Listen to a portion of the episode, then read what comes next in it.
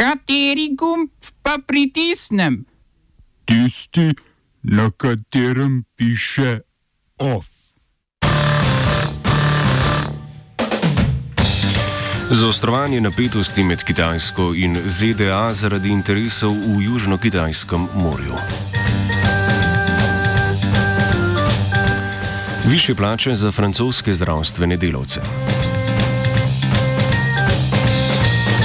V Gorenju bodo odslej odpuščali mehko.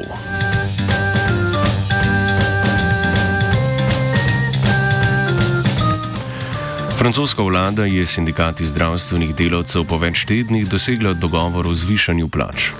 Medicinski tehniki in drugi delavci v zdravstveni negi bodo tako povprečju dobili 183 evrov mesečno več, ta ukrep pa bo državo stal 7,5 milijarde evrov.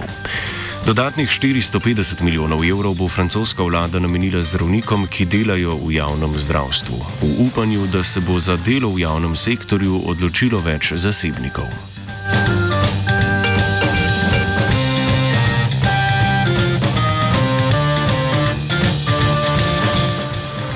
Ameriški državni sekretar Mark Pompeo je obsodil ravnanje Kitajske na območju Južno-Kitajskega morja ter ga označil za popolnoma nezakonito prizadevanje in nasilno kampanjo za nadzor nad tamkajšnjimi naravnimi viri.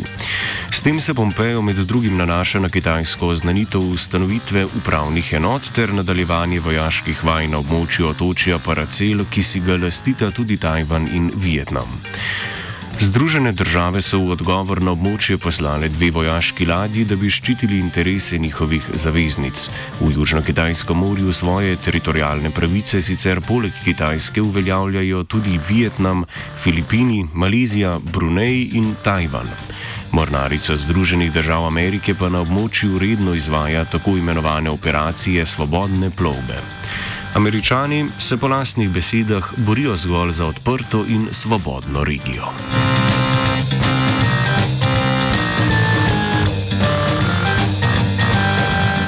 Boju s koronavirusom gre po uradnih merilih najbolje Turkmenistanu, ki do danes še vedno nima potrjenih okužb z virusom. Kljub temu je turkmenistanska vlada po več mesecih le dovolila vstop ekipi Svetovne zdravstvene organizacije, ki bo morda razkrila vzrok porasta skrivnostne pljučnice v državi. Povsem nepovezano s pandemijo COVID-19 so državljani Turkmenistana od vlade dobili navodilo naj pričnejo z nošnjo mask zaradi nevarnega prahu v zraku.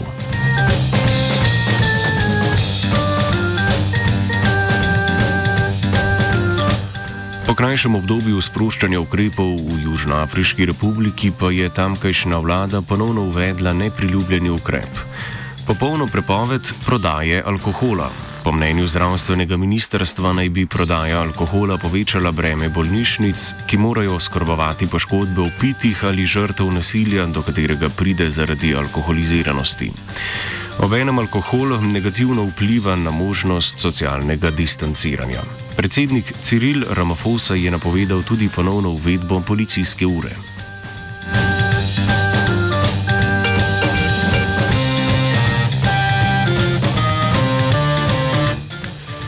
V Tajvanu je glavna opozicijska stranka Kuomintang v parlamentu protestirala proti odločitvi predsednice Tsai Ing-wen, da za vodjo preiskovalne agencije Kontrola Yuan imenuje dolgoletno strankarsko sodelavko Chen Chu. Kontrola Yuan je sicer ena od petih vej tajvanske vlade, njena naloga pa je nadzorovati delo vlade in poslancev. Povlaščena je za pripravo interpelacije in revizijo letnega proračuna, lahko pa tudi cenzurira vladne uradnike. Opozicijski poslanci Kuomintanga menijo, da gre pri tem za nedopustno politično kadrovanje. Chen Chu je v začetku 80-ih, ko je bila stranka Kuomintang vladajoča politična partija v vojaški diktaturi, zaradi disidentstva šest let preživela v zaporu.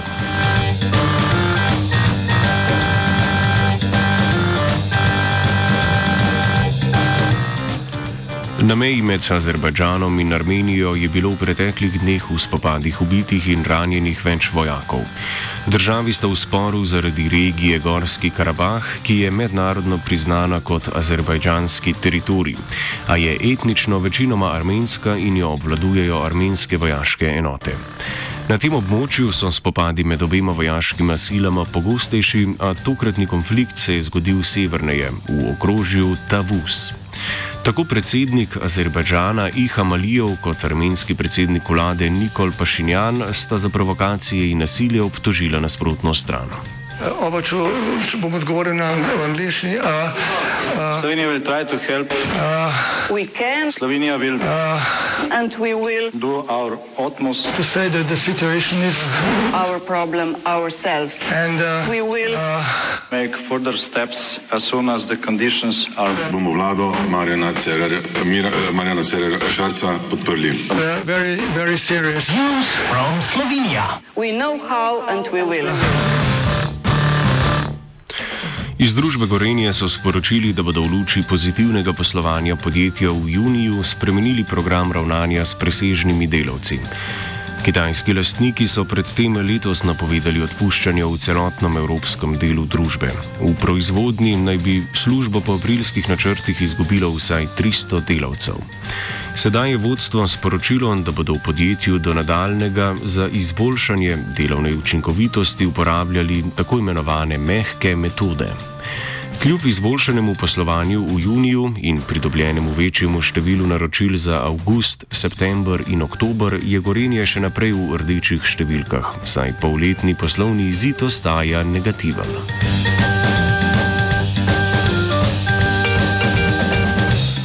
OF je pripravil Jure.